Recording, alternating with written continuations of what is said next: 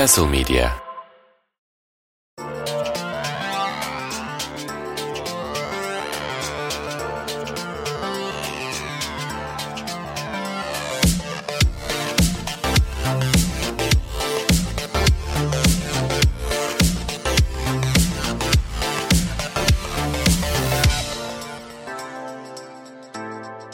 Castle Medya'dan herkese merhabalar.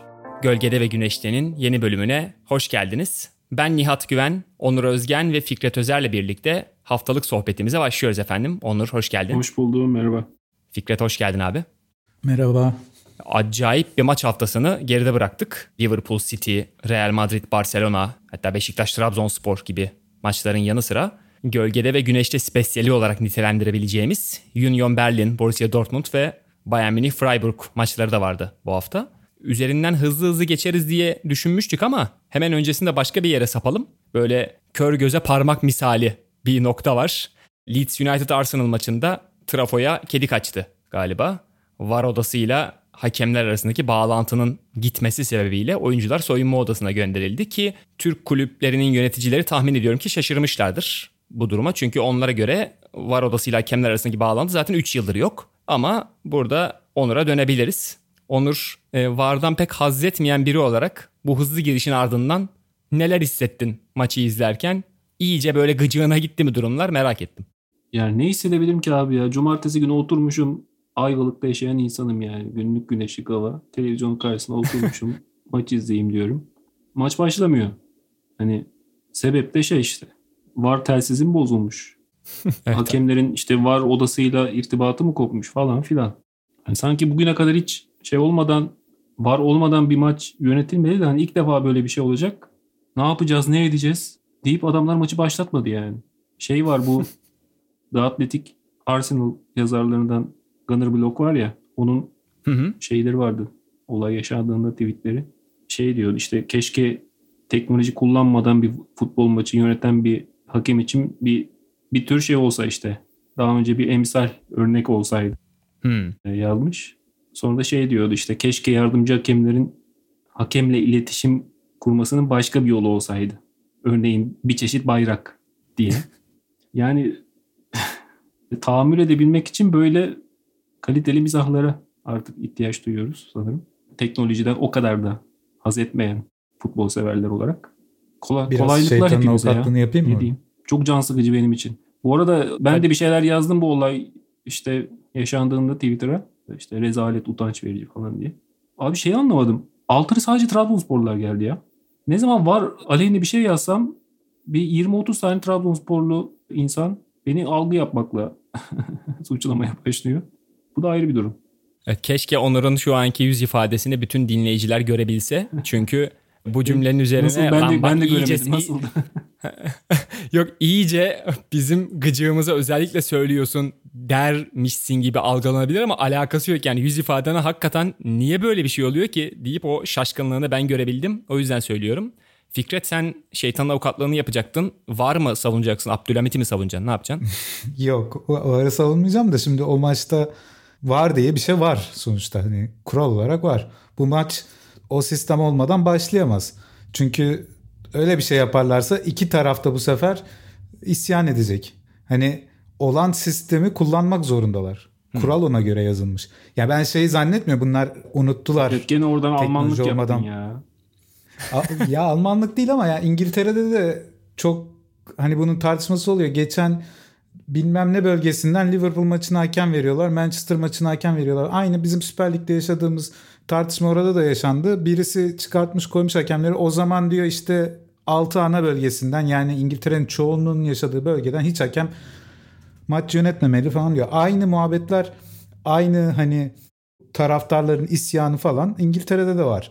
Bence başlatmamaları doğru. yani ne diyeyim Almanlık olabilir tabii.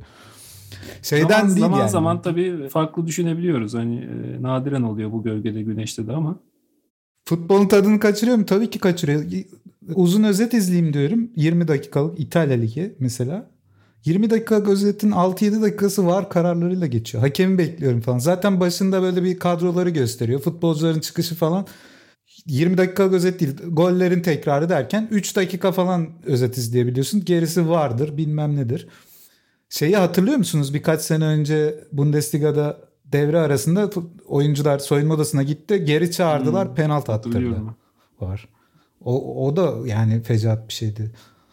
Ya şimdi o, çok kötü bir şey. Onur bu son bölüm başlamadan bir 6-7 dakika önce Discord indirdiği için. Tabii onun da bir gerginliği tek, var bende. Evet teknolojik tarafta zaten bir gerginlik var şu anda Onur Özgen'de. O yüzden o Leeds Arsenal maçındaki o garip durumla da ilgili diyeyim. Ben konuyu buraya getirir getirmez hemen tekrardan tepkisini dile getirdi. Aslında e, yine o yoğun maç trafiğine bir gireceğiz ama madem şu an tepki dile getiriyoruz o zaman geçen hafta çok kısa teaserını verdiğim ve fazlaca derinleştirmesek de bu hafta zikretmek istediğim o diğer konuya yani bizi olumsuz anlamda yükselten diğer konuya bir değineyim. Mbappe sanki hiçbir şey olmamış gibi yok ya ben ayrılmak istemedim gayet yalan yanlış yazıyorsunuz. Aslında böyle bir konu yok gibi bir yeni açıklama yaptı ama ben geçen haftaki onun o garip durumundan ve tekrardan isyana girmesinden sonra işte bu spor dünyasında diyeyim kulüplerden oyunculara doğru kayan güç dengelerinden bahis açmayı aslında istiyordum.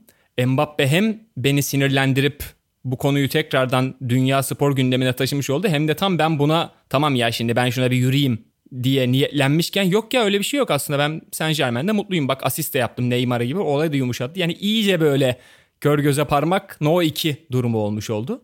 Yani esasen işte spor dünyasında yediğim NBA üzerinden dünyaya sirayet etmeye başlayan bir kavram desek sanki yanlış olmaz. İşte orada tabii ki de o oyuncularla kulüpler arasındaki sözleşmelerin yapısı ve var olan takas sistemiyle işte oynamak istemeyen futbolcular bir takımda veya X bir oyuncuyla beraber oynamak isteyen oyuncular hatta X bir takımda spesifik oyuncularla oynamak isteyen oyunculara kadar böyle bunların kafalarına göre takılmasına doğru olay devam etti ve Amerika gibi bu tip konularda radikal kararlar alabilen bir ülkede bile bunun önüne geçilemedi. Burası üzerinden yayılan bir şey var aslında. Hani Mbappe'ye konuyu buradan getirecektim. Bizim de elimizde bir Mbappe meselesi var futbol tarafında. İşte yani artık takımın anahtarlarını mı istiyor? Yani bu sezon kendisine pas verilmeyen pozisyonda bilerek koşuyu kesti bir kere. E, penaltı tartışmalarında bitmek bilmeyen bir ısrarı var. Hatta bunu sözleşmeye eklettiği söyleniyor. Yani ben sahadayken penaltıyı ben atarım tek, şeklinde. Tek adam olmak istiyor işte ya yani. İşin özeti var. Yani işte evet Real Madrid'e gitmemesi aslında bu sene normal şartlarda bütün bu garip sözleşme sürecine rağmen ona artı kazandırabilirdi aslında. Ama takımı sahiplenmekten ziyade gücü elde etmek için, Onur'un dediği gibi tek adam olmak için bunları, bu davranışları sergiliyor gibi. Yani teknik direktör, sportif direktör, oyuncu seçimlerinde pay sahibi olmalıyım gibi bir şeyden bahsediliyor kontratta ki o kontrata parantez açalım. Böyle 100 milyon euroluk bir imza parası, yıllık 75 milyon euroluk bir sözleşme bedelinden bahsediyoruz. İşte beni sinir eden şey de e, aslında şuydu. Bu Mbappe'nin zihinsel trafiğinin içinde işte Macron Mbappe'yi arıyor. İşte sen Fransa'da kal aslında ülke için önemlisin gitme falan diyor. Yani Florentino Perez için bir itibar kaybından yine söz edilebilir ve seviyeye getirirler bunu işte oraya gitmedik diye ki her ne kadar Perez bunun olmadığını söyledi. Perez'e iyi Hatta, oldu canım o ayrı. Tabii canım yani Perez de komik bir şekilde şey Paris Saint Germain tehlikeli oyunlar oynuyor gibi bir açıklama yaptı. Hakikaten çok inandırıcı yani tam bunu Perez'in yapması. Hem bunu yani bu durumu Avrupa Kulüpler Birliği'ne şikayet ettiği falan da söylendi Perez'in. Ki onların yani asıl şeyi işte Ronaldo Messi sonrası Haaland ve Mbappe'nin La Liga'da olmaması aslında iş oraya gidiyor ama. Neyse bu financial fair play'e de bunu fazla sıçratıp iyice konuyu uzatmadan Mbappe'nin bu tavrından ötürü duyduğum rahatsızlığı da dile getireyim madem. Arsenal Leeds maçındaki var olayından sonra benim için de beni sinir edip hey Allah'ım ya dedirten konu bu Mbappe işi oldu. Ya bir de kendini değersiz mi hissediyormuş bir şeymiş. Yani 100 milyon kaç dedin işte 100 milyon imza parası 75 milyon yıllık evet. alıyor.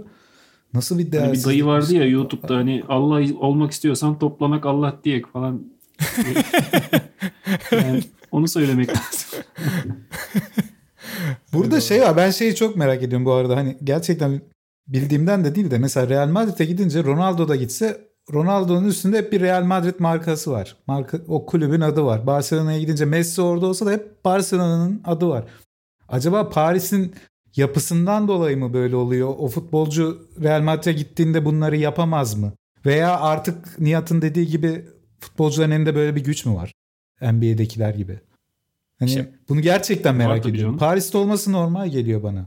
Ama Real Madrid'de de olur muydu bu? İşte ben saçmalığın düzeyi o kadar fazla ki bunun ancak işte cümleye o yüzden öyle başladım.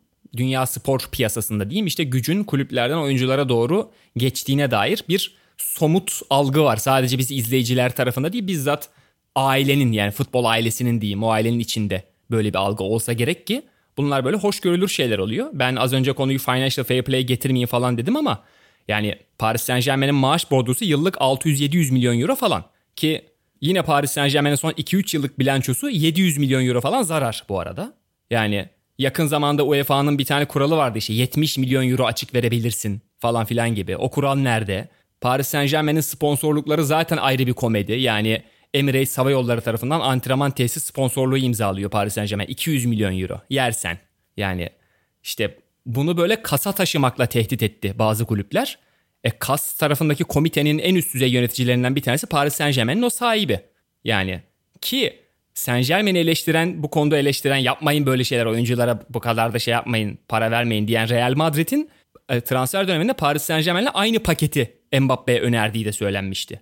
Yani neresinden tutarsan tut elinde kalan bir durum. Hani kulüplerden oyunculara geçmesi mi beni rahatsız ediyor gibi sorusuna evet diye cevap veriyordum ama anlattıkça kendi kendimi şu an şeye de ikna ediyorum. Yani bu kulüpler mi zaten hani böyle şeyi hakkı adaleti savunacak yani. Evet doğru geçsin oyunculara da yani. Kendi kendimi ikna ettim şu anda. Kendi kendini Abi Paris Saint Germain Evet. nedir ya? Artık kapatılsın bu kulüp ya. Ya gerçekten. ya. Buradan Paris Saint Germain Türkiye hesabından özür dileriz tabii ama var mı öyle bir hesap bilmiyorum. Vardır kesin. Ya Vardır şey- yani George Weah zamanından Fran- beri öz Saint Tabii Germain'liler Fransa'daki falan. Paris Saint Germain'lerden bile daha Paris Saint Germain'li arkadaşlarımız olduğuna eminim Türkiye'de. Kusura bakmasınlar ama çok gereksiz bir En baştaki niyetin şu oyuncu gücü konusuna bir şey ekleyeceğim. Sadece bir anekdot. Sezon başında Oliver Kahn'la röportaj yapmışlar Freund'e. Orada şeyi anlatıyor Oliver Kahn. Daha doğrusu ona onun zamanda yaptığı şakaları, takım arkadaşlarıyla yaptığı şakaları falan söylüyorlar. Bunu hala yapabiliyor musunuz?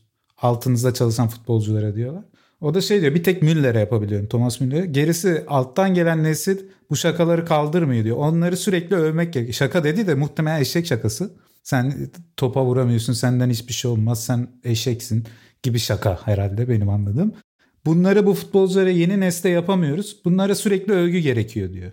Ya bunu Oliver Kahn diyor. O yüzden de hani hani geçen programda da konuşmuştuk. Bu sene Oli- yani yönetici olduktan sonra Oliver Kahn sürekli ciddi. Hiçbir aşırı tepkisi olmayan bir adamdı ta ki Dortmund maçına kadar. Yani bunun şimdi Bayern muhtemelen bunun ayarını yapabiliyor. Paris'te bu el bebek gül bebek sen en iyisin sen en güzelsin seviyesi belki de uçtu gitti. Hani Mbappe'nin geldiği noktayı görüyoruz. Yani Messi ile Neymar'la oynuyor. Yüzlerce milyon para alıyor. Bilmiyorum. Tat kaçırıcı bir şey. Kırılgan egolar işte ya. Hani bu yeni nesle şaka yapılamaması. Gibi de Yılmaz şey diyordu ya. Hemen kırılmayın be kardeşim kar tanesi misiniz diye. Aynen bu şekilde yani. Ya bu arada Mbappe'nin de hiç anladığım kadarıyla etrafında seveni de yok abi yani. Ya bak bö- böyle yapma yani insanları kendinden tiksindireceksin diyecek. Heh yani evet. Hiç kimsesi de yok demek ki yanında yöresinde yazık. Yani şimdi iyice itham etmiyorum ama narsistlik varsa narsist bir insanla geçinemezsin zaten. Evet. Onların bir Ee, arkadaşı olmaz. Bir süre sonra kopar giderler. Annesi babası da mı yok ya? Tamamdır beyler. Ninja Kaplumbağa şakasına doğru çirkin yerlere doğru giriyoruz. Burada tamam Mbappe eleştirdim ama hemen araya gireyim seviyeyi koruyorum. Şey konuyu bu hafta oynanan maçlara bağlayıp öyle geçişi yapabiliriz. E, Ana konu evvelinde. Liverpool Manchester City maçını ve Real Madrid Barcelona maçını izledim bu arada. Böyle yan yana yok birini bilgisayardan aç öbürünü televizyona yansıt falan. Böyle bir şey oldu yani. Acayip bir maç gün deneyimi oldu hafta sonu. Liverpool'un böyle bir sanki bir nefes aldığı bir maç oldu ama her ne kadar tempo tabii ki de maçın hani bas temposu çok yukarıda olsa da hani şeye girmeyeceğim bu maçı izledikten sonra işte Beşiktaş Trabzon maçı hiç olmuyor falan gibi. E, Ondan bağımsız söylüyorum. Maçın yine belli bir seviyenin üzerine bir bas temposu vardı ama çok da böyle vaat ettiği kadar da acayip bir maç olmadı aslında. Birazcık hani maça dair aklımda çok detaya girmeyeceğiz dedik. En böyle kalan anekdot Guardiola'nın Klopp'a karşı yine kendi A planından biraz daha farklı bir şey yapayım da hocayı şaşırtayım gibi bazı toplara girip ki bu toplara Guardiola özelinde girilmesin hani bunu nasıl söyleyeyim fazla kastırıyor falan filan diye eleştiriler de vardı ama Guardiola'nın Bayern döneminde de Barcelona döneminde de A planından bu derece iyi çalıştığı istatistiki olarak da belli olan A planından bu derece saptığında çok istikrarlı sonuçlar elde edememesi gibi şeyler hatırlıyorum ben. Dolayısıyla hani bu senenin başında da City gayet böyle hani ritmindeyken Liverpool özelinde ana plandan biraz daha farklı bir hamle yapması çok saçma değil. Çünkü burada artık birbirini çok iyi tanıyan iki hocanın karşılaşmasından bahsediyoruz. Ama sanki taşlarla biraz fazla oynadığı için takımın ritminin kesildiği izlenimine kapıldım. Maça dair en böyle aklımda kalan taktiksel şey bu oldu. Siz Liverpool City maçına bakabildiniz mi? Var mı Ben bir henüz bakamadım. aklınızda kalan şey? Ben Bakamam. o saatlerde Union Berlin maçı izliyordum. Ha işte. Union Berlin'e geleceğiz şimdi onu onu soracağım. Ama Okuduklarından kadarıyla böyle eski hani Klopp ve Guardiola'nın Premier Lig'e ilk geldiğindeki karşılaşmaları benzer bir karşılaşma olmuş sanırım. Hani daha çok topun City'de kaldığı. işte Liverpool'un biraz daha orta blokta bekleyip kontralarla pozisyon aradığı bir maç olmuş sanırım. evet işte yani ben en dediğim gibi en ciddi şekilde işte Nathan Ake'yi sol beke koyması ki bunu muhtemelen Salah'a karşılaması için yapmış olabilir. İşte atıyorum Cancelo solda bu senenin başında iyi gidiyordu. Onu sağa aldı. Kevin De Bruyne'yi neredeyse Wolfsburg zamanındakiymiş gibi o seviyede bir sağ önde oynattı falan. Hani De Bruyne her ne kadar merkeze gelip merkezi çoklasa da yani dediğim gibi taşları bence gereğinden fazla yerinden oynatmış gibime geldi. Overthinking yapmış Pep- gene Pep hoca, hoca. diyorsun. Ha, ha işte evet o fazla kasmışı az önce söylemeye çalıştım fazla kasmışın aslında tam evet İngilizlerin söylediği şey oydu herhalde overthinking. Yani bizi izleyen İngiliz dinleyicilerimiz de mutlaka vardır. Onlar için de birkaç tanıdık kelime söyleyelim. E, tabii tabii doğru. Real Madrid Barcelona maçında ise yine maça bilgisayardan bakabildiğim kadarıyla Ancelotti'nin gayet istediği bir şekilde süren 60'a 40 Barcelona'nın toplu oynamada üstün olduğu maçın kalitesinin de yine görece nispeten daha böyle orta seviyelerde olduğu aynı Liverpool City maçında olduğu gibi ama yani Real Madrid'in bu derece çalışan formülüne burada birazcık hani o Liverpool maçından farklı olarak Xavi'nin mevcut Barcelona takımı karşısında Real Madrid'in bu formülü zaten yıllar yılı herkese karşı iyi çalışıyorken ve bu parçaya da çok iyi çalışacağı çok barizken bence buna karşı hiçbir önlem almaması yani hiçbir değişiklik yapmaması bu sefer de orada biraz kontrast oluşturuyor. Yani işte Sergio Roberto sağda o bek arkadaşın adı kimdi? Balde. Balde solda. Real Madrid'in kenarları Benzema ile kurdukları o bağlantı oyunu sayesinde uçuyor zaten Vinicius'ta Valverde. Hiçbir önlem almayıp personeli de değiştirmeyip tıpatıp aynı çıkması Barcelona'nın. Bu sene ne zaman büyük maç izlesem Barcelona'nın ne zaman büyük maçını izlesem hep böyle bir tık bir hayal kırıklığı oldu. O diğer takımlara karşı olan performans o seviyede kalamadı. O maçla ilgili en kuvvetli izlenimim de buydu. Yani orada da Xavi'nin bence Guardiola gibi bir şeyleri değiştirmesi lazım. Hiçbir şey değiştirmedi. Hüsran oldu. Ben 45 dakikasını, ilk 45 dakikasını izleyebildim. El Clasico'nun. Yani ilk 10 dakikada bence Real Madrid kazanacak bu maçı diye düşünmeye başlamıştım. Çünkü ya Barcelona daha iyi oynuyor gibiydi. Zaten işte maç sonunda falan da istatistiklere baktığımda hemen hepsinde Barcelona önde gibi ama yani Ancelotti'nin işte uzmanlık alanı bu zaten. Yani rakip daha iyi gibi görünürken Ya bu arada Xavi de memnun bulmak. hani bu skor oyunu yansıtmıyor falan dedi maç sonunda da benim izlediğim maçta Barcelona yani bir tane pozisyon var Lewandowski sol dibi, kale dibinden topu Evet, evet. Üstten Yakış, ota attı. yakışmadı. Evet. Beşiktaş böyle bir gol kaçırmıştı bir Avrupa Kupası maçı. Amokachi miydi? Amokachi Valencia. Valencia abi. Aynen. 99. Nasıl- Evet. O daha nasıl, da yakın nasıl bu beraber arada atladık ya Amokachi'nin. şey Nihat. Tabii. Tabii bugün Ya öyle geleceğiz bir gol oralara kaçırır. Onur. Hani 100 defa olsa 99'unu atar herhalde Lewandowski onun. Ama şöyle bir şey var o gol muhtemelen iptal de olabilirdi. Offside'a ben, benziyordu çünkü. Bir tek o var yani hani Barcelona gelip böyle lan çok pis kaçırdı dediğim benim izlediğim 75 dakika falan izledim maçı. Real Madrid istedi dediğin gibi istediğini yaptı çıktı. O orta sahası o yaşta ya Modric Kroos bir de Chouameni yanlış okuyorsam düzeltin. Üçü dağıttı yani her şeyi kontrol ettiler aslında. Yani Xavi'nin neden memnun olduğunu ben anlamadım. İşte yani hem ekstra önlem almadı Real Madrid'e karşı ki dediğim gibi özellikle de Vinicius tarafından zaten sorun olacağı Sergio Roberto karşısında zaten belli. Diğer taraftan da rol oyuncuları Real Madrid'de tabii daha uzun süredir o kendi rollerine çok daha iyi adapte oldukları için işte Barcelona'da bu maçta ön plana çıkması daha elzem olan işte Dembele ve şey diğer arkadaşlar Ra- Rodrigo diyesin var Rafinha. Onlar mesela daha vasat, vasat kaldılar. Sonradan giren Ansu Fati aslında hiç fena iş yapmadı. Hani rol oyuncusu olarak o kendi rolünün karşılığını verdi ama A planı açısından yetersizdi Xavi'nin bence durumu deyip bu bizim tarafa dair Fikret hariç bu maç temposuyla alakalı söyleyeceklerimi ben kafamdan şöyle bir şeye söze dökmüş oldum. Şey- Fikret sen de bize şeyi sorayım ben. Bundesliga'daki bir yoğunluğa anlat. Ha pardon abi Onur. Çok pardon. Efendim. Bu her sezon, her yıl bir birkaç hafta böyle denk geliyor şey. Tüm dünyada önemli maçların, derbilerin aynı haftada Ha, evet. oynandığı bu tesadüf mü ya? Vallahi abi Böyle 5-6 maç Yani falan şimdi- bir anda denk geliyor yani. şu an kafamı açtın. Yani ya hayır çünkü şöyle Büyük- şu an kafamı açtın. Büyük Şöyle bir mı düşünüyorum abi.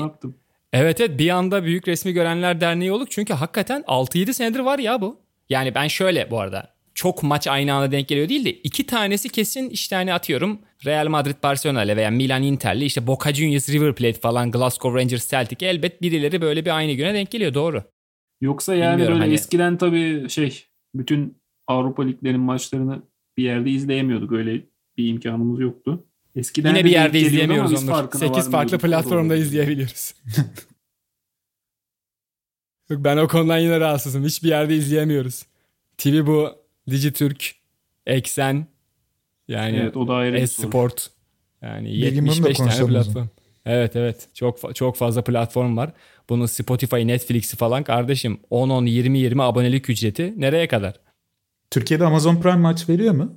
Ben Fikret sana bu ekonomi isyanının dışında Bundesliga sormuştum. Sen de bize Bundesliga'nın bu hafta sonuyla geride kalan hafta sonuyla ilgili izlenimlerini anlat. Yani bu hafta sonu işte ligin ilk dördü birbiriyle oynadı. Bayern Freiburg'u dağıttı. Buradan Nagelsmann'a hakkını teslim edeyim. Ama hiçbir zaman hani onun teknik direktörlüğüne bir laf etmedim zaten. Burada yaptığı değişiklik 9 numarayla Herhalde çıktı. kendini sağlam alıyorsun ha. İnanılmaz bir Ama onu söyle yakışmadı ya. Lewandowski'ye o golü kaçırmak yakışmadı demiştim. Nagelsmann'a da hiç bu zamana kadar bir şey deme. Ya böyle bir anladım Nagel- mesela Nagelsmann iyi ama. de çevresi kötü dedi. Aslında. Kardeşim sen bu cümleyi kurma Fikret Özer yani. Sen sen girme bu topa ya. Sen devam etsene yolunda kardeşim. Tamam o zaman şöyle yapayım. Birileri kulaklarını çekmiş Nagelsmann'ın. 9 numarayla çıkmış maça. Kulaklığını çektiğinde kulaklık var mıydı acaba kulağında peki? Onu bilmiyorum. Topçularla bağlantıya geçmek için değil mi? Yani Doğru. Freiburg'u sağdan sildiler.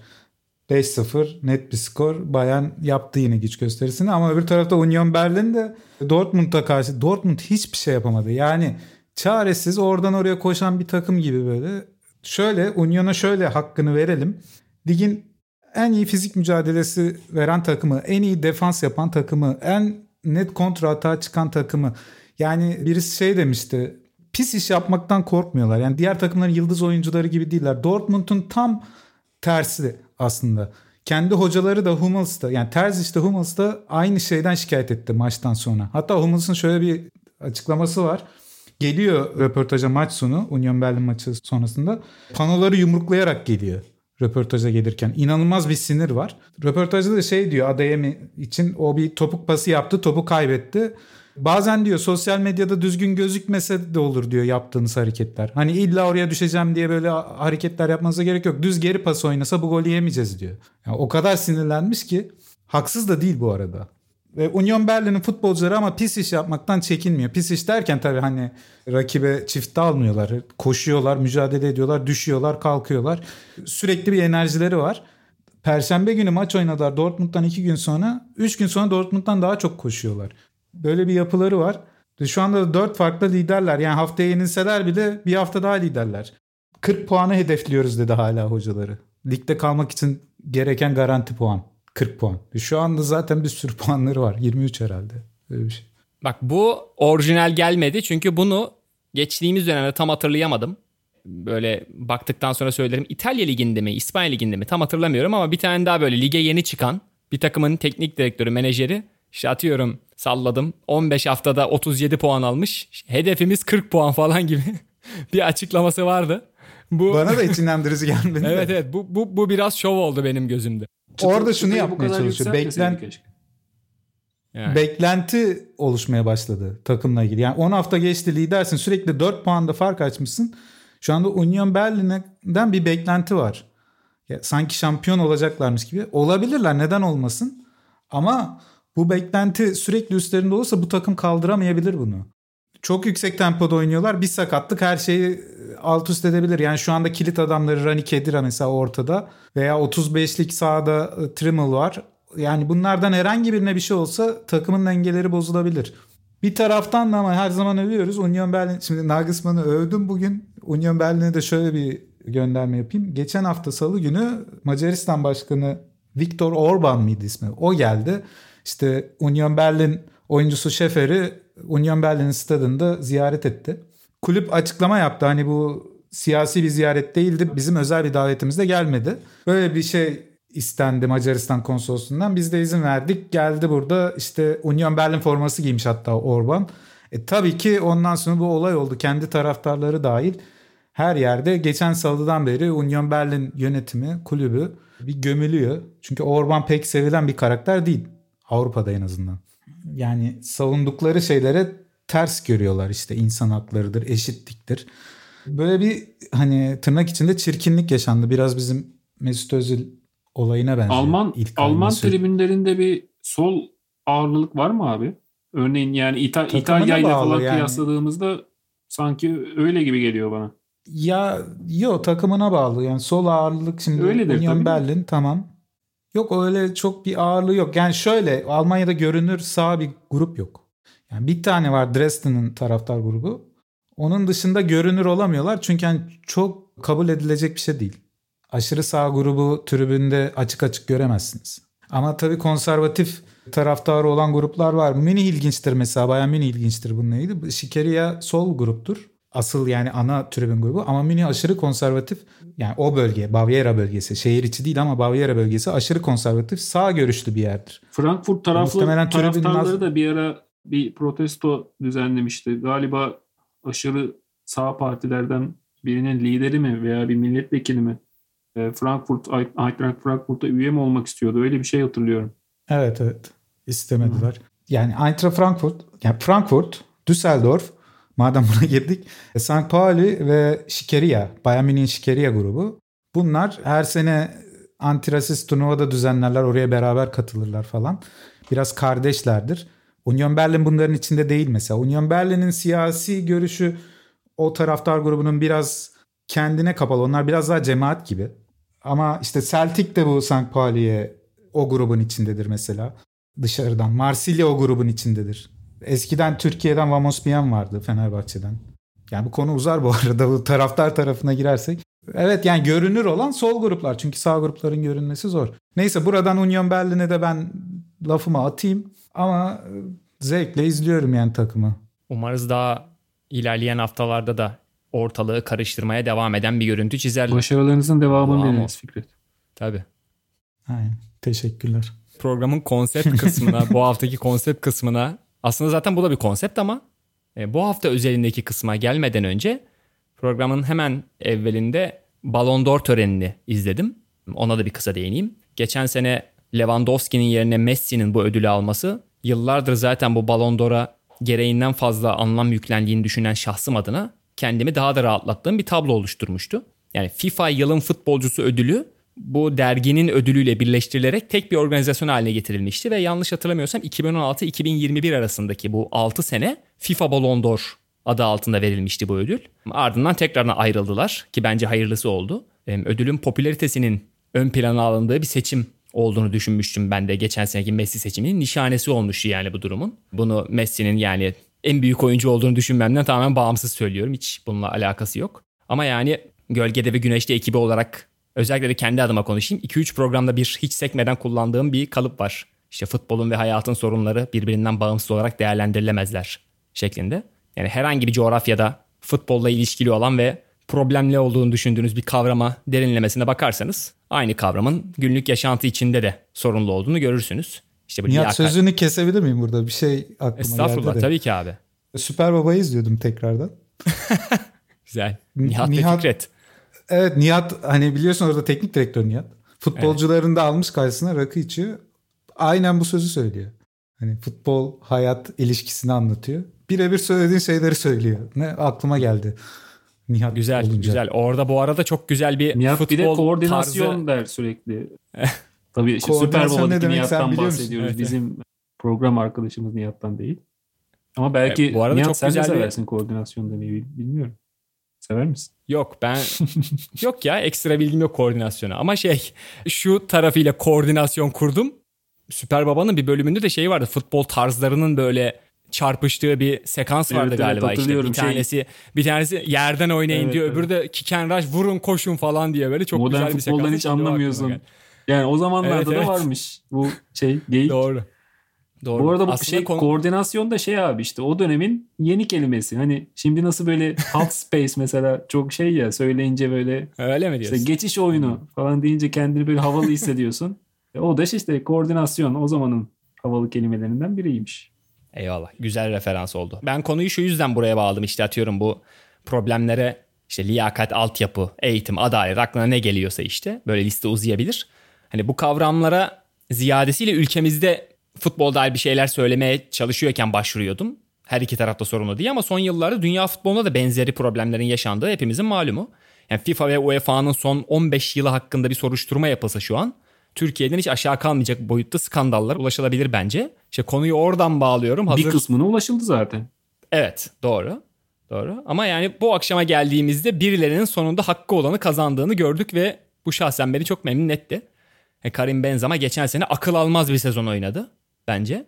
Yani Ronaldo ve Messi'nin bu tip ödülleri domine ettiği dönemi düşünürsek ki son 14 senede 12 kere mi aldılar öyle bir şeydi işte. Bir tane Modric var. Bir pandemi yüzünden verilmeyen var. Ki işte benim dikkate aldığım FIFA yılın futbolcusu ödüllerinde aslında o da verilmişti zaten. iki kere Lewandowski üst üste almış oldu. Ama yani o takımda yine Ronaldo ve Messi'nin başarılarını küçümseme gibi bir hadsizlik yapmadan sadece hani kastetmek istediğim noktanın Ronald, altını Ronaldocu çizeyim. ve Messi'cilerden biraz korkuyor gibisin.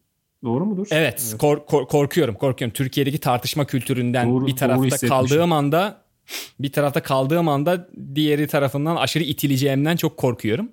Yani çünkü şöyle bir tartışma ben görmedim yani. Mesela atıyorum Messi baya çok iyi. Messi en iyi. Ronaldo neredeyse onun kadar iyi. Çok küçük bir farkla Messi daha iyi. Ben böyle düşünüyorum ama bunu diyen bir insan ben daha görmedim Türkiye'de. Abi bu tartışılır mı yani? Tabii ki de Messi falan diye böyle anlatılıyor. Bu çok sinirim bozuyor. Ama o domine ettikleri dönemde bu ödülleri işte Ronaldo'nun yanında Prime Ramos, Prime Modric, Marcelo. Şu an çok hızlı aklıma gelen isimleri söylüyorum. E Messi'ye dönüyorum Xavi, Iniesta, Suarez, Neymar. Yine prime dönemlerinde yani böyle oyuncular vardı. Benzema geçen sene 34 yaşında lig şampiyonlar ligi dublesi yaptı abi. Ve yani yanında evet yine bir Modric var ama o kadar prime döneminde değil. Vinicius Junior çok iyi top oynadı ama tam olgunluk döneminde olduğu söylenemez. O yüzden bu Paris'e, Chelsea'ye, Manchester City'ye üçer dörder gol atarak takımı da kupaya taşıdığı o serüvenle birlikte Benzema'ya saygın bir 5 kat falan arttı. O yüzden kendisini bugünkü ödülden dolayı tebrik edeyim. Ödülü her ne kadar pek sevmesem de. Evet. Öyle bir konuştun ki alkışlayasım geldi ama saçma İnsanlar olacak. hak ettiklerini aldığında biz de tabii mutlu oluyoruz burada. Tebrikler Benzema'ya. Bu arada abi şey televizyonda canlı izledim. Şu tip törenleri yerinde izlemek de yani şu ahir ömrümüzde dünya gücüyle kısmet olmayacak herhalde. Yani bu sefer konuyu sponsora getirmeyeceğim. Cem'e bu konuda yapılabilecek tüm sulu şakaları yaptım bundan önceki bölümlerde ama belki bu ekipten birileri yakında futbol dünyasının önemli yerlere gelir de bizi bu ödül törenine akredite eder diyorum. Bu ihtimal umuduyla yaşayacağım. Kel Drogba'yı 50 kere televizyonda izledik kardeşim yani. Ricky Gervais'in 5 kere Golden Globe sunması ve nasıl diyeyim Cem Davran'ın muhtemelen 8 kere Altın Kelebek sunmasından sonra boyuna D- Kel Drogba sunuyor bunları. Biz de farklı bir Kel Drogba'yı bir kere canlı görürüz herhalde diye umuyorum. O zaman Onur bu görev sana düşüyor yani. Yani işte ben mesajı verdim. Gerisine bakacağız. Ya bu bak bu arada alakası yerden aklıma geldi. Bak töreni canlı izlemek falan dedim. Konuyu oradan bağlayacaktım ama şu şey, aşırı komiğime gidiyordu. Bunu da burada söyleyeyim kayıtlı kalsın. Şampiyonlar Ligi kuralları esnasında kura çekimini kağıda not alan yöneticiler abi.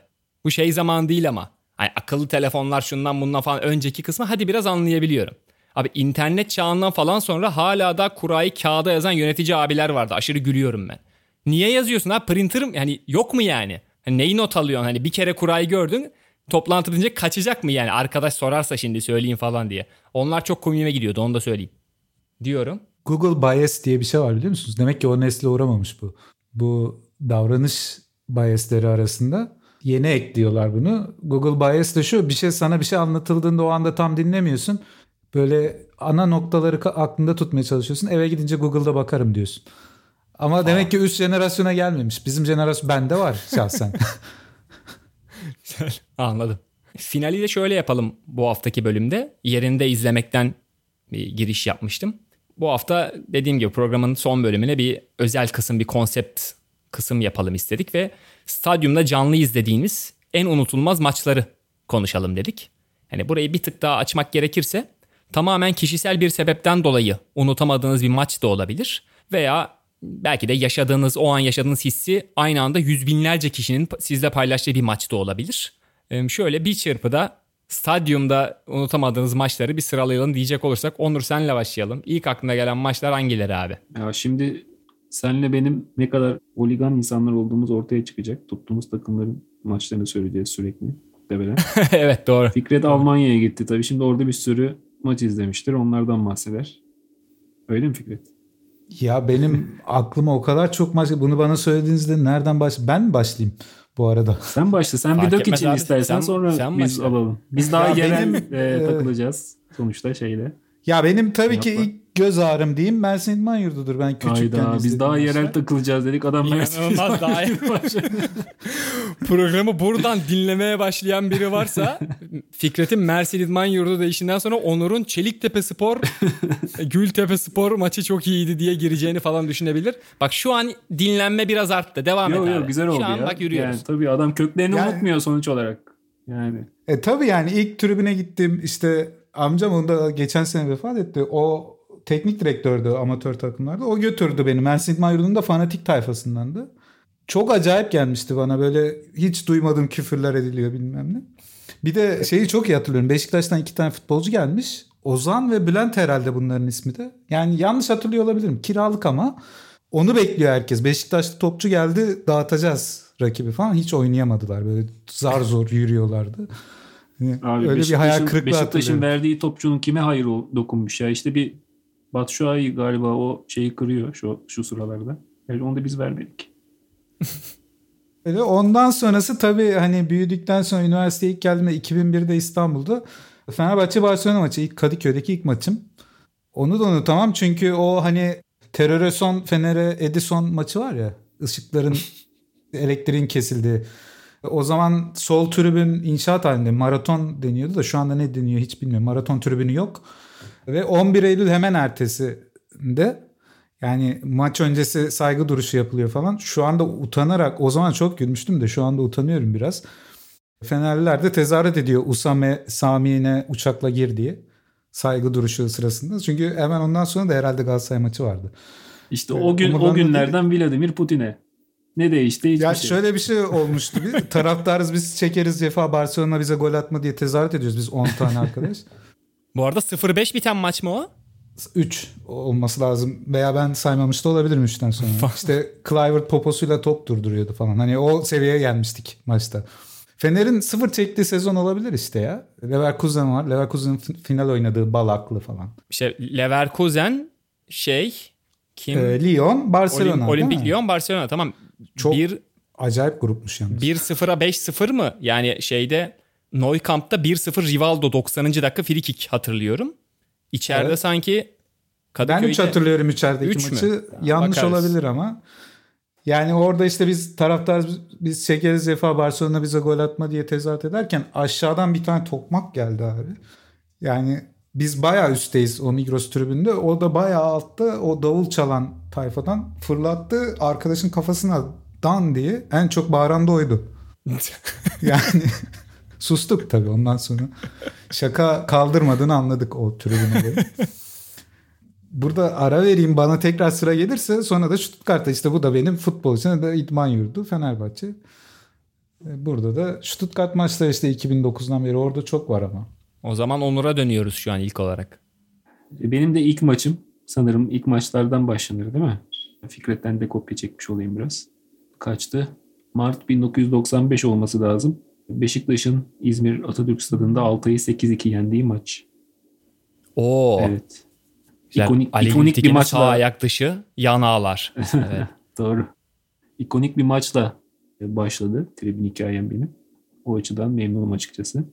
Maçın öncesinde de babamla beraber İzmir Efes Oteli'ne şimdinin Swiss Otel lobisinde takımı beklemiştik işte. Metin Tekin'le ilk o zaman tanışmıştım.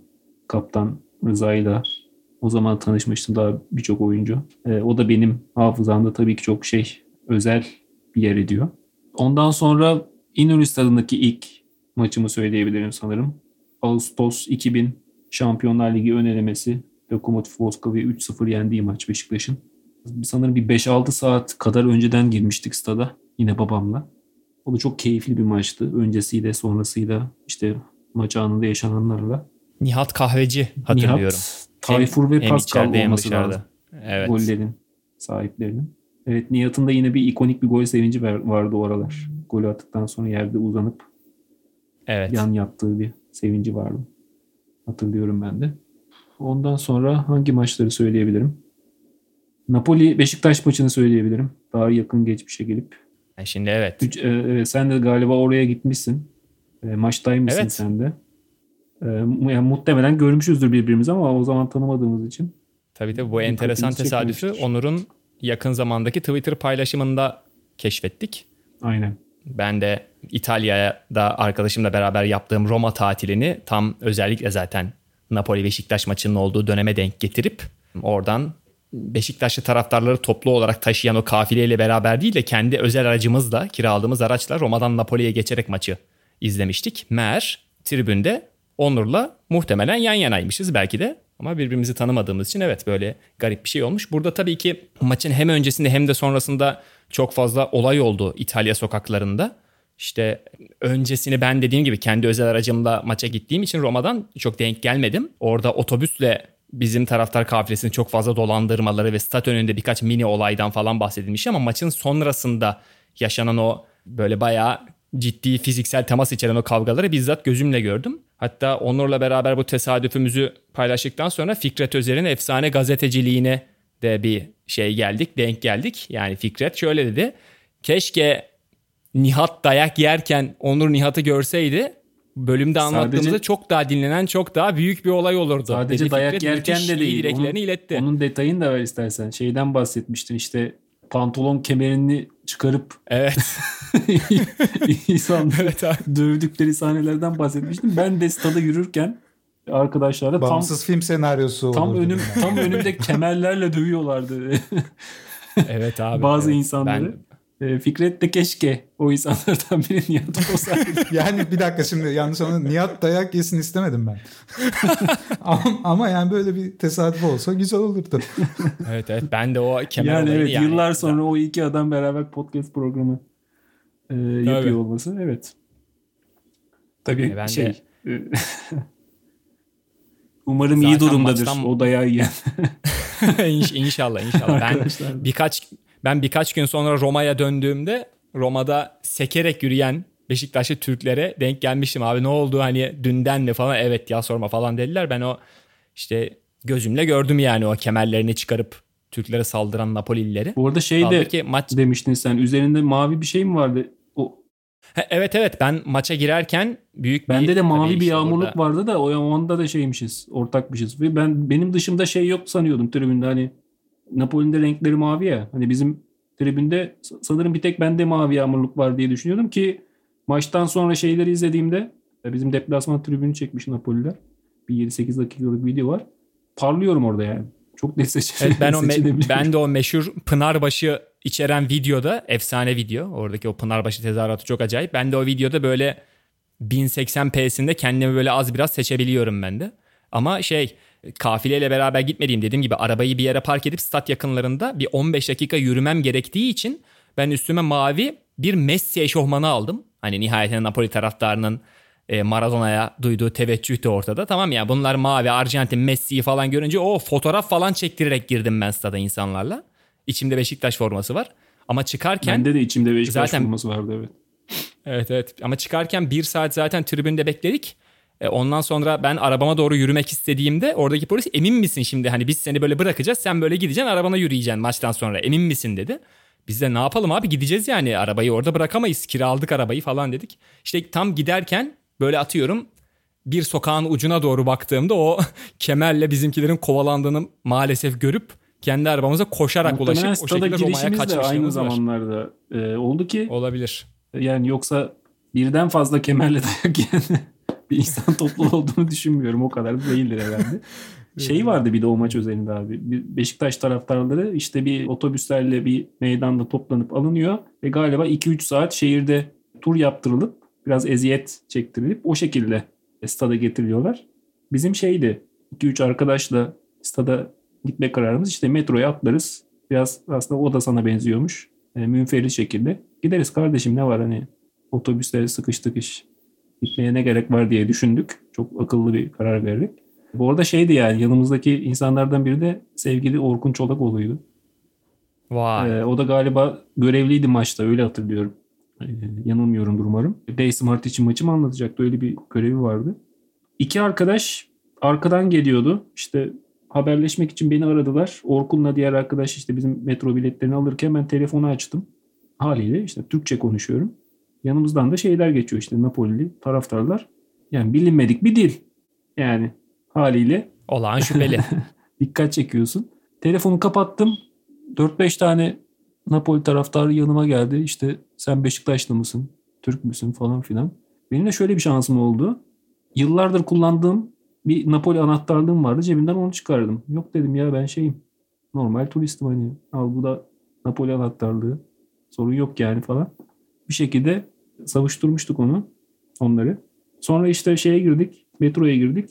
Yanımızdaki arkadaşlardan biri çok rahat bir insan. Hani hep e, böyle durumlarda e, mutlaka bir gereğinden fazla rahat, cool bir e, insan vardır ya yanınızda. Bizim de vardı. İşte yüksek sesle yani herkesin duyabileceği şekilde yine sohbet etmeye devam ediyor. Ben diyorum bak abi yapma yanından geliyorlar, geçiyorlar, bakıyorlar, dikkat çekiyoruz falan yok. Neyse işte bindik metro geldi. Bindik içeri. Oturduk bir boş yere. Sonra arkadan yine bir 7-8 arkadaş geldi ama bunlar biraz daha görüntü itibariyle benim önce gördüklerine pek benzemiyorlar. Yani daha kaslılar öyle söyleyebilirim. Ee, işte kollarında daha böyle bir e, büyük dövmeler var. İsa dövmeleri falan filan. Evet, geçmiş Ağız, olsun. Ağızlarından yani. çeşitli kokular geliyor. Alkol kokuları. Muhtemelen farklı şeyler de var kullandıkları. Biz şey olduk yani deşifre olduk artık yani şey yapamayacağız. Kaçış yani yok. Turistiz muristiz diyemeyeceğiz. Stada geliyoruz yani. Ondan sonra arkadaki rahat arkadaşın yanına oturdu bir tanesi. Biz de Orkun'la önde oturuyoruz. Ben şeyi duyuyorum. Ee, arkadaki diyaloğu şey diyor Napoli taraftarlarından biri bizim arkadaşa. You are Rome dedi tamam mı?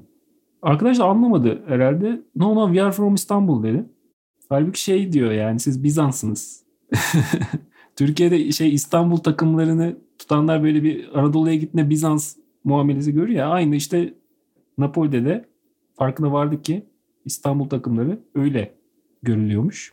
İnanılmaz. Yani bu Castle Media'nın efsane Roma Napoli şampiyonluk şeyi bahsinin de ta ne zamana dayandığını evet previously on onur diye şeyi öğrenmiş olduk. Evet you are Rome yani peki. Ondan sonra ben de işte bir yandan Orkun'la konuşuyorum abi ne yapsak ne etsek.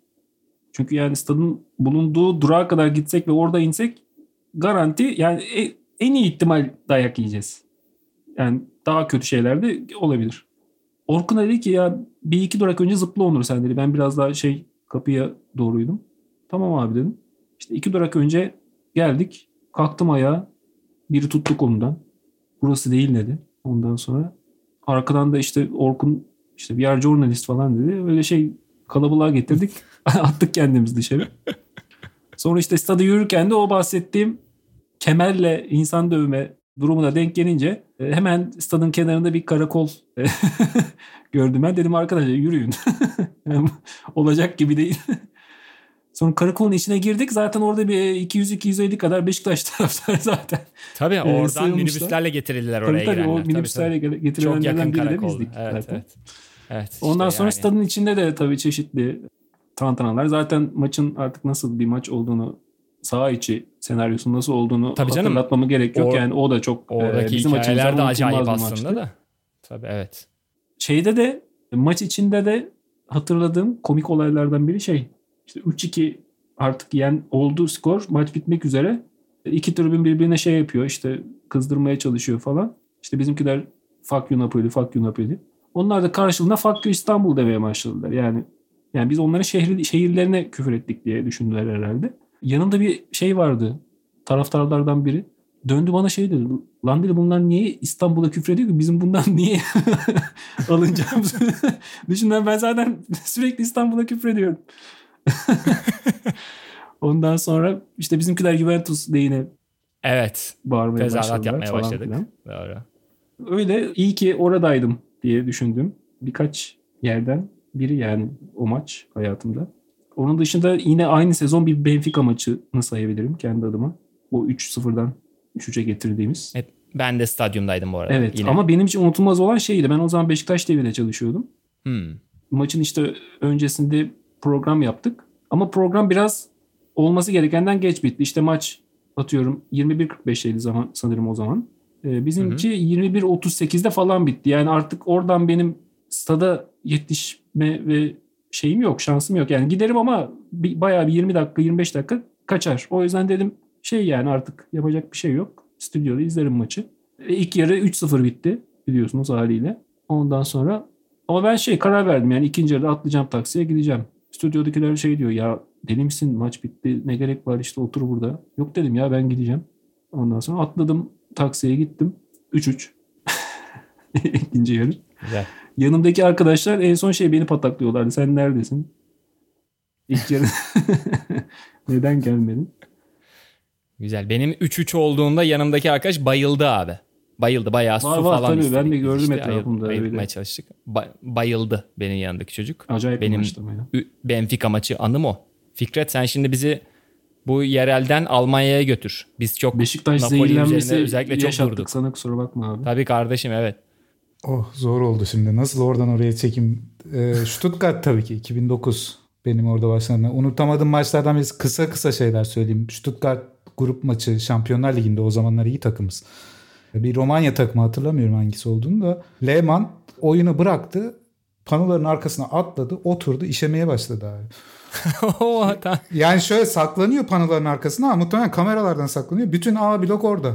A blokta Çıkmış işte asıl asıl şeyin o Kanştat'ı Kurfe dedikleri şeyin e, ultra grubunun olduğu yere.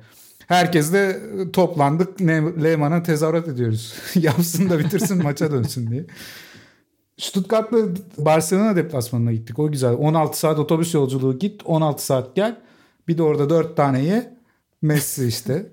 Ama şöyle bir şey var. En baştaki konuya da bağlanır belki. Oyuncular çok önemli olmuyor sen tribündeyken. Yani ben orada Messi'yi izlediğimi yıllar sonra anlatmaya başladım. Çünkü millet diyor ha ben Messi'yi canlı izledim. Aa ben de izlemiştim lan. Ben hatta deplasmana gittim. İlk maç 1-1 bitmişti. Umutlu gitmiştik falan. Alırız diye. almışsınız. Aldık 4-1. Yenildik, elendik. Onun dışında tabii hani 2012 Avrupa Kupası'na gittim. Polonya, Ukrayna. 2014 Brezilya var. Beşiktaş'ta 2016 Fransa var. Ama bunlar şimdi çok uzayacak da e, Stuttgart'la ilgili bir tane güzel bir maç var. Bizim kupa finali Bayern Münih'le oynadığımız.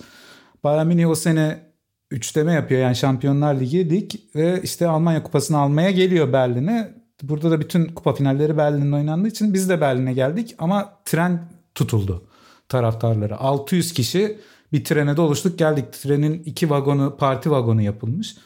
Yani şöyle düşünün hiçbir görevli yok trende. Neler olabileceğini siz düşünün. Sınırsız bira, e, her şey yani şimdi şey yapmayayım o kadar detaya girmeyeyim. Bu şekilde bir gittik ve tesadüf o arada da gezi başladı İstanbul'da. O arada Berlin polisi bir taraftan e, Stuttgart'ları kovalıyor. Çünkü onlar her bulduğu yerde Bayernlerin atkısını yakıyor, onlara saldırıyor bilmem ne yapıyor. Bir taraftan da Berlin'de gezi protestosu var. E, Böyle bir kargaşanın içinde. Stada gittik. Maç 3-0 oldu. Bayern önde. Bunlar bir tane pankart açtı karşıdan işte 3 kupayı temsil eden o seneki. Üçünü de alacağız falan diye. Bizde kakao oyuna girdi. Brezilya asıllı Alman oyuncumuz. Hatırlıyorum A- evet. Ama böyle bir tüylerimiz diken diken oldu kakaoya girerken. Herkes böyle bir kop bir alkış koptu girerken. Nasıl oluyor bilmiyorum. 70. dakika falan bu. 3-0 Bayern'e yeniliyorsun. Neyin umudundasın? Abi maç 3-2 oldu. Bunların pankartı aşağı indi. Hepsini geri topladılar. Biz bayağı gazlıyız ve yine Lewandowski'nin kaçırdığı gol gibi işte Amokachi'nin Valencia'ya atamadığı gol gibi Serdar Taşçı bir tane kaçırdı. O zaman da takım kaptanı. Serdar Taşlı direğin dibinden topu havaya dikti. Ve o üçüncü gol gelmedi ama yani o pankartın inişi ve o, o umut bize yetti. Sonra biz kutladık kupayı. Niye bilmiyorum. Tabii bir de bunun dönüşü var trenle. Dönüşü o kadar cafcaflı olmadı yenilip döndüğümüz için de. Bu kadar anlatayım çok uzadı programımız. Farkında mısınız bilmiyorum. Ama bunu yapalım. Daha Evet. çok maç var çünkü. Evet bir saati geçtik. Ben o zaman detaylarına çok fazla girmeden kendi hatıratımdan hızlı hızlı gidip programı öyle bitireceğim. Çünkü Napoli anısı yani o efsane Napoli Beşiktaş maçı benim de anlatacağım maçlar içinde muhtemelen birinci sırada olurdu ama Onur'la birleştirmiş olduk zaten anıları. O yüzden çok bir şey kaybetmedim. Ama ben de aynı sizler gibi ilk maçımı zikrediğim 96-97 Rasim Kara sezonu Beşiktaş Trabzonspor maçı. Amokachi'nin kapalının önünden böyle akıp acayip bir gol attı ve Rasim Hoca'nın Ne sonra- kadar çok amokaçı dedik bugün. Evet evet. Rasim Hoca'nın daha sonradan televizyondan gördüğüm kadarıyla efsane montuyla beraber şöyle bir aslında hiç tarzına da uygun olmayan bir şekilde şöyle bir işaret yaptığı maç. Tabii aynı Onur'un dediği gibi şimdi unutulmaz maçlardan bahsederken benim babam işte o yıllarda Stadı nöbetçi montörlüğünde çalışıyordu. Yani stadyumda olur da elektrik kesilirse müdahale edecek olan ekipten bahsediyorum. Dolayısıyla hani SMA listeleri işte atıyorum soyunma odalarının oralarda böyle gereksiz koşmalar falan. Hani zaten o yıllarda bir İnönü Stadyumu tecrübesi ister istemez oluyor. E bir de belli bir yaşa geldikten sonra işte o Napoli'nin olduğu dönemde feda senesinden işte Abdullah Avcı senesine kadar böyle bir 6-7 yıllık bir kombine dönemi de var. Dolayısıyla Tonla Beşiktaş maçı dolayısıyla geçmiş oluyor ama Fikret'in daha farklı anılar anlatacağı dönemlerde ben de o masalarda da olduğum için işte gittiğim Manchester United maçları İngiltere'de işte atıyorum Chelsea Şita Bükreş maçına gitmiştim. Keza ben de Messi'yi canlı izleme fırsatı buldum. Barcelona Sevilla maçı izledim. Ben de o zaman Chelsea falan. Liverpool Süper Kupa Ben maçını söyleyeyim ama o da Vodafone Park'ta oynandı ya. Yine ucundan kıyısından bir Beşiktaş bulaşıyor abi. Yapacak bir şey yok. Yani işte o yüzden ilk maçtan siz ilk maçınızdan bahsettiniz ya ben de ilk maçımı orada söyleyebilirim. Ki yani o sene böyle 18 tane falan hücum oyuncusuyla maçlara çıktığımız dönemlermiş. Sonradan bakıyorum yani Mehmet 10 gol atmış, Serdar 10 gol, Sergen 10 gol, Amokachi 10, Ertuğrul 20, Oktay 30. Aynı zamanda Mırmiç'in yani dünyanın en iyi kalecisinin olduğunu düşündüğüm zamanlar böyle tam çocukluk döneminde akıl akıl almaz kurtarışları ilk defa hayatımda gördüğüm zaman olduğunu hatırlıyorum. 2014-15'te beraber Beşiktaş'ın en böyle hayıflanabileceği sezon olabilir. 96-97. Öyle mi diyorsun? Evet doğru. Rasim Hoca'ya da daha sonra. Hoca da üzülmüştü o sene bol bol. Ee, ama yani hani ilk maçımdan bahsettim. Zirvede olabilecek bir Napoli maçından ve Benfica maçından bahsettim. Kapatırken yıkım olarak Olimpik Lyon maçının etkisinden söz edebilirim. Aa tabii ya Yine o, o, o da var bende tabii. Yani böyle Onu donup unutmak kaldığımızda. istemişim. Sen hatırlat. Güzel. Benim yine kendi zihnime not ettiğim fantazi topçu izleme maçı vardı. 2000-2001 sezonunda Ceyhun Eriş izlemek için Siircetba maçına gitmiştik. Yani babama sormuşum baba biz niye bu maça gidiyoruz? Ligin 33. haftası hiçbir amacı yok. Dördüncü olacağı Beşiktaş'ın garanti. Ceyhun'u izlemeye gidiyoruz oğlum. Ceyhun diye bir topçu var. Onu beraber izleyelim demişti. 5-1 yenmişti Beşiktaş Siircetba'yı. Ceyhun yine de iyi oynamıştı yani 5-1'e rağmen. Ceyhun da bir sene sonra Fener'e gitti galiba değil mi? Evet o öbür sene evet gelmedi Babam Beşiktaş'a. gitti. anlıyormuş demek. ki. Evet. Son olarak bir de aklımda kalan böyle hani ben bu listenin en böyle zırt yerine ekleyeceğim. Olimpiyat stadındaki Sporting Lisbon maçı vardı. Jorge Jesus'lu Sporting Lisbon'a karşı Beşiktaş'ın. Bunu da şey tarafından hani izlediğim maçlar içinde böyle taktiksel olarak en garip yere not ettiğim maçlardan bir tanesiydi. Ee, Şenol Hoca'nın sezonun ritmini bozup işte Atiba Oğuzhan yerine sanırsam Necip'i- Sosa'yı? İşte Necip'i Oğuzhan'ı koymuştu. Necip'i koyup evet ilk yarı Brian Ruiz'in golüyle 1-0 geri düşüyor Beşiktaş ama 6-0 biter yani ilk yarı. Öyle geliyorlar. Sonra hoca Oğuzhan'ı oyuna aldı Necip'in yerine. Baya baya hani savunmada eksildik güya. Abi bütün ikinci 45'i rakip sahada oynadı mesela Beşiktaş. Hani bu düz futbol ezberlerini işte hücum oyuncusu hücumcuyla oynanır falan işte daha iyi savunma daha çok savunmacıyla yapılır falan gibi o ezberleri yıkan bir stadyum tecrübesi olduğu için çok ikonik bir maçtı. Bir de onu zihnime not etmiştim. Ben de bunları söyleyeyim. Ben de detaylara ilerleyen bölümlerde girerim. Çok uzattık. Evet dinleyicilerimizden de Yani çok ama- fazla Beşiktaş bölümü olduğu için Kardeşim Artık evet ya. Bu spor programlarında. Beşiktaş Galatasaray Böyle- Fener dengesini boşuna kurmuyorlarmış yani. Böyle konuşacağınızı bilseydim Fenerbahçe maçlarını anlatırdım. bir 8 sene Evet. Fenerbahçe geçmişim. Kardeşim İstanbul- Mersin İdman Yurdu'yla girdin ya. 6-0'lık Fenerbahçe maçıyla girsene ben oradaydım de o desene. kendi şey hikayesi Oradaydım. böyle Beşiktaş'tan iki tane topçu gelmiş. Kendisi de bir yetmezmiş gibi Beşiktaş sıkıştırdı araya. Beşiktaş'ta ya anlatabileceğim mi bağlayabileceğim bilmiyorum da Recife'de işte 2014 Dünya Kupası Almanya Amerika maçı var oraya gidiyoruz çok fena yağmur yağıyor her tarafımız ıslandı etraf çamur şehrin en uzak noktasına yapabilecekleri en uzak yere stadyum yapmışlar. Şöyle bir şey var şehir merkezinde başka bir stat var onu bırakmışlar gitmişler oraya bir daha stat yapmışlar işte. Tanıdık geliyor evet doğru. Yani biliyorsunuz bu hikayeleri. 2014'te de Beşiktaş'ın sahası yoktu. Olimpiyatta oynuyordu. Muhtemelen senin Sporting maçı o zamana denk geliyordur. Evet. Ya o yaz Beşiktaş hala stat arıyordu. Nerede oynayacak? Yok o bir sene sonraydı. Ben bir tane sene tweet attım. sonraydı o. 2015-16. 2015. Ben bir tane tweet attım. Bu Recife'nin bu stadında kim oynayacak bu sezon boyunca boş kalacak herhalde bu, bu stat diye. Emre Yürük Tümen vardı yazıhane takip edenler o zaman bilir. Evet. Altına şey yazmış. Beşiktaş oynar yazmıştı. Çünkü o zaman gidip Ankara'da falan oynuyordu herhalde Beşiktaş. Öyle bir şeyler yapıyor. Nihat kapat programı. Yani arkadaş Bu- bu işin- bölüm, bu işin sonu yok. bölüm- evet. Artık kapa. Ben Yani bu- e, sözümü şöyle bitireyim. Abi. Bu bu yani her programda şeyi konuşuyoruz. O bu futbolun değişimi işte var konuştuk. Futbolcuların eline güç geçti onu konuştuk. Menajerler ama tribün tarafını yaşayan için bunlar bir şey ifade ediyor bence. Yani televizyondan maçı takip edip arada bir özet izleyip yorumları izleyip hani bunu bir meta haline dönüştüren insanlar için bu başka bir şey. Başka bir spor. Tribüne giden insanlar için başka bir spor. Ben dedim yani 2001'de İstanbul'da başka bir tribün kültürü öğrendim. 2009'da başka bir kültür. Hani hayatımda ben büyüdükçe beni geliştiren bir şey yani benle birlikte devam eden bir kültür bu tribün kültürü. Hatta şöyle bağlayayım. Klopp'la aynı tribündeniz. o da Stuttgart'ın A bloğunda maç izlemeye başlamış. Orada öğrenmiş futbolu. Ve böyle bir hoca olması hani tesadüf değil. Çünkü tribünden gelen birisi. Bütün bu konuyu böyle bağlaman seni sevindirmiş olabilir ama beni pek sevindirmedi Fikretçim diyorum ve ben de 7-8 haftalık moderasyon tecrübemin en önemli farkındalıklarından birine eriştiğimi söyleyebilirim. Yani şöyle ki bu konsept bölüm dediğimiz kısmı programın akışı içerisinde yedirmeye çalıştık ama ben fark ettim ki erkeklerin maç anıları hele hele tribün anıları tek başına seri olacak şekilde yayılması gerekerek anca böyle podcast'e aktarılabilirmiş. Ben de bunu anladım. Dolayısıyla 20 dakikalık 30 dakikalık tahminlerimiz bu anlamda çok yetersiz kaldı. Askerlik Devam analarından ve maç bölümlerde- analarından korkacaksın abi. Evet evet abi öyleymiş. Devam eden bölümlerde sadece bu formatı içeren bir ara bölümde çekebiliriz diyorum ve bizi dinlediğiniz için çok teşekkür ediyorum herkese. Önümüzdeki hafta tekrar görüşmek üzere diyelim. Hoşçakalın. Hoşçakalın. Hoşçakalın.